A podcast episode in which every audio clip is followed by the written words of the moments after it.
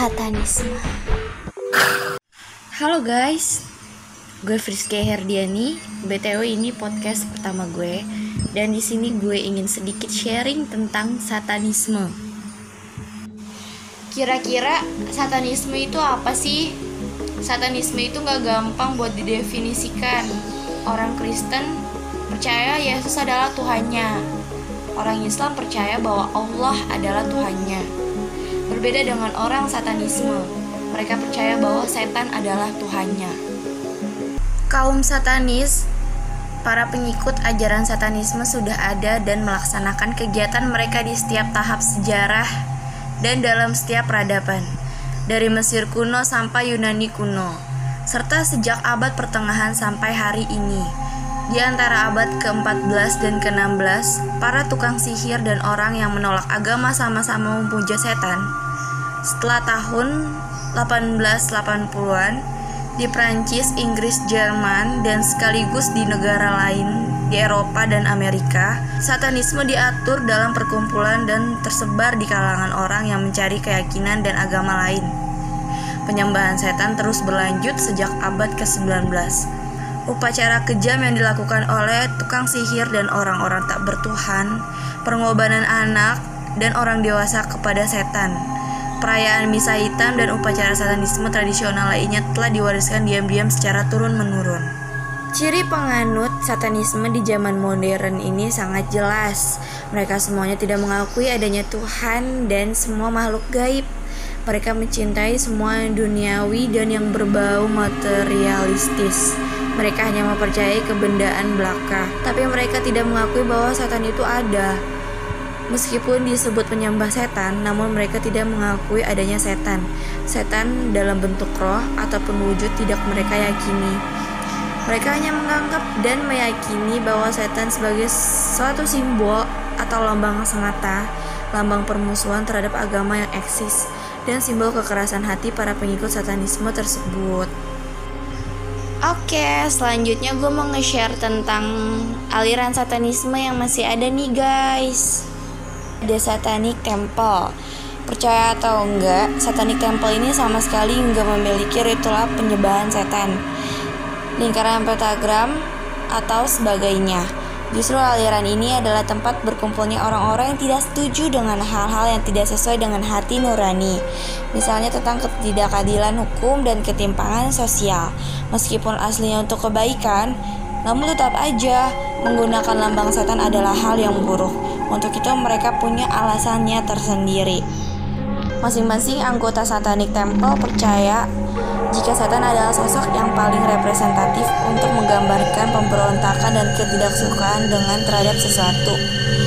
Ya, setan memang dikisahkan melakukan pemberontakan pertama ketika ia menentang perintah Tuhan ketika awal penciptaan Nabi Adam dulu.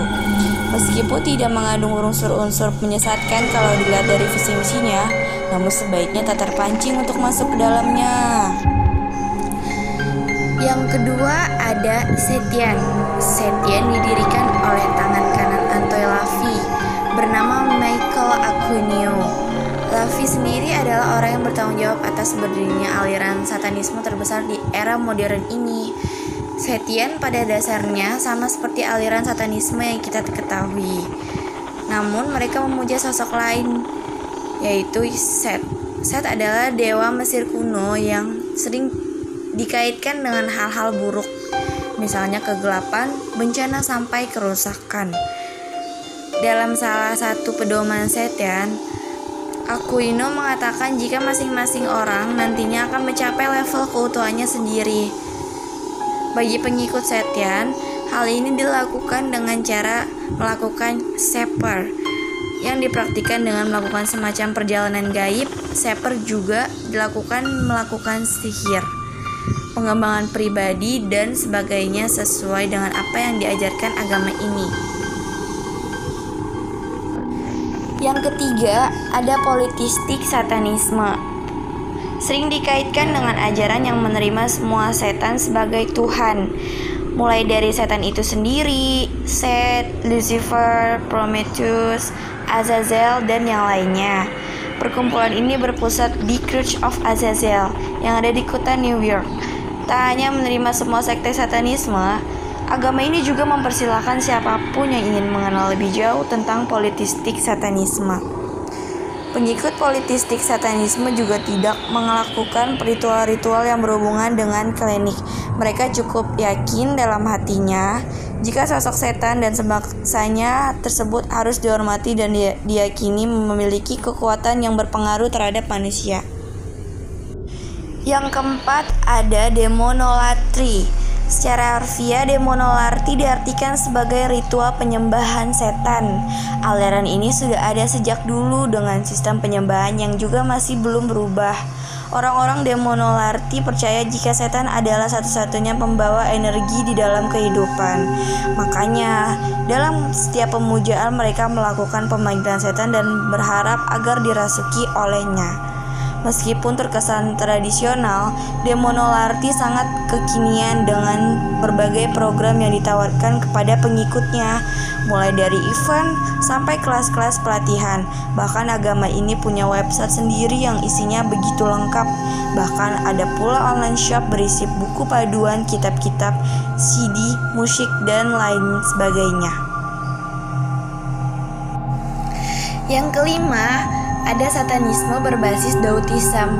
Pengikut aliran ini sekilas sama seperti keyakinan banyak orang. Mereka mempercayai ada dua sisi yang saling berperang saat ini, antara Tuhan dan setan. Namun, perbedaan mereka dari yang lainnya adalah lebih mendukung pihak setan dan percaya bahwa pada akhirnya mereka mampu memenangkan perang dengan Tuhan. Perkembangan satanisme berbasis Daotism ini menurut pakar adalah hasil turunan kepercayaan Zoroastrian kuno. Di tersebut juga disebutkan pertarungan antara Ashura Mazda atau dewa cahaya dengan Ahriman. Dewa kegelapan entah bagaimana awal awalnya, namun penganut aliran satanis ini percaya jika setanlah yang ada di sisi manusia. Setan memberikan kebebasan dan juga ilmu pengetahuan, sedangkan Tuhan menurut mereka hanya ingin mengekang manusia saja apa pun bentuk visi dan misinya, mengambil nama setan sebagai kepercayaan dan jalan hidup adalah sesuatu yang sangat salah. Manusia sudah diberi akal, akhirnya mampu berpikir dengan baik, bahkan untuk sesuatu yang berdasar seperti kepercayaan. Tentu manusia sudah bisa memilih mana yang baik dan tidak. Oleh karenanya, jangan sampai terjebak dengan aliran-aliran seperti ini ya guys aliran-aliran yang gue sebutin barusan itu serem juga ya guys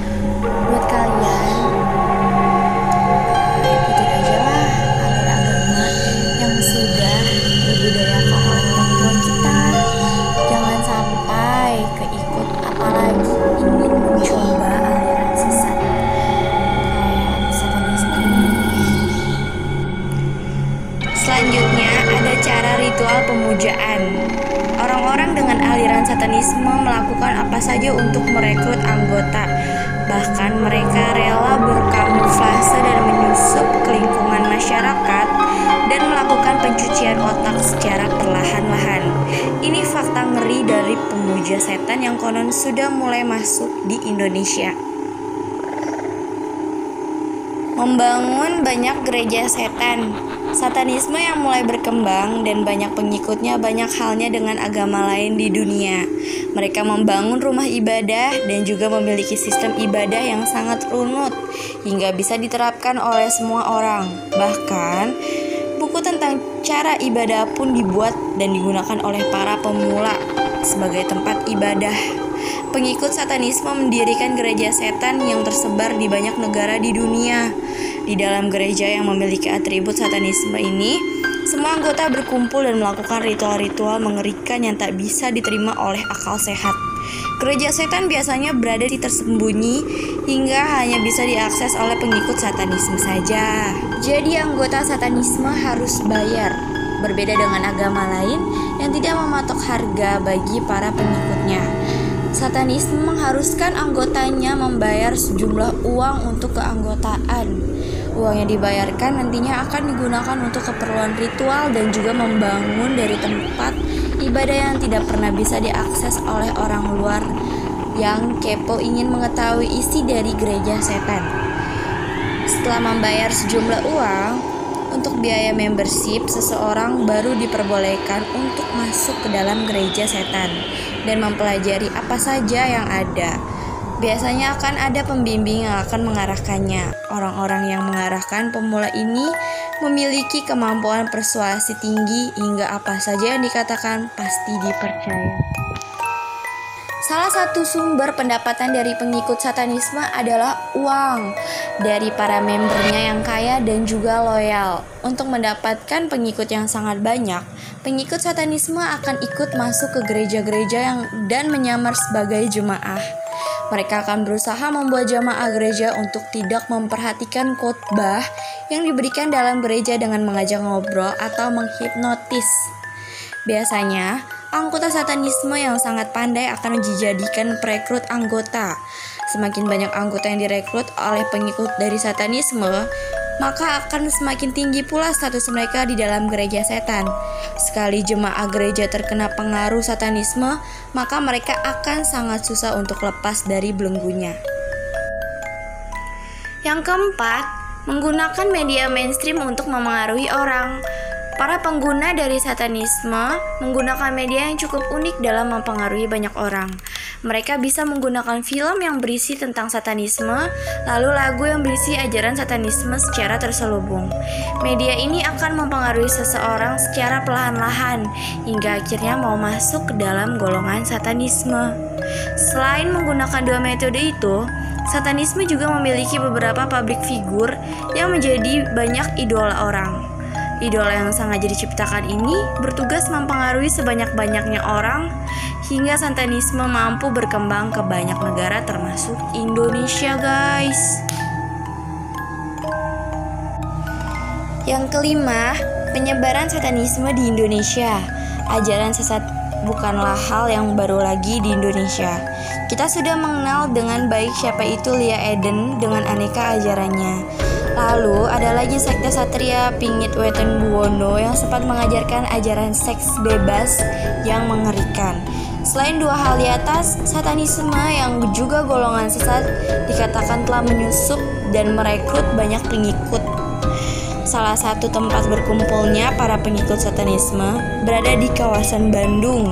Konon di salah satu bangunan rumah terdapat tanda satanisme unik berupa gurita hitam raksasa di atas rumah. Warga menduga bahwa lokasi yang tak sembarangan orang bisa masuk ini adalah sarang dari pengikut satanisme di Indonesia. Gereja setan diperkirakan masuk di Indonesia pada tahun 1990-an dan mulai terdengar di masyarakat pada tahun 1995-an. Menurut pengakuan orang-orang yang pernah ikut dan sudah terlepas dari ikatan gereja setan, jemaat gereja setan di Indonesia sudah mencapai ribuan orang, guys. Dan bertempat di kota-kota besar seperti Jakarta, Manado, Semarang, Bandung. Setan pertama adalah Satanic Church didirikan di Francisco, California pada 30 April 1966 oleh Anthony Shador Lavi. Ia menjadi pendeta tinggi di gereja ini sampai kematiannya pada tahun 1997. Oke okay guys, segitu aja yang baru gue sampein. Episode selanjutnya gue bakal ngejelasin tentang satanisme lagi. Terus ikutin channel podcast gue Jangan lupa buat dengerin ya guys. See you.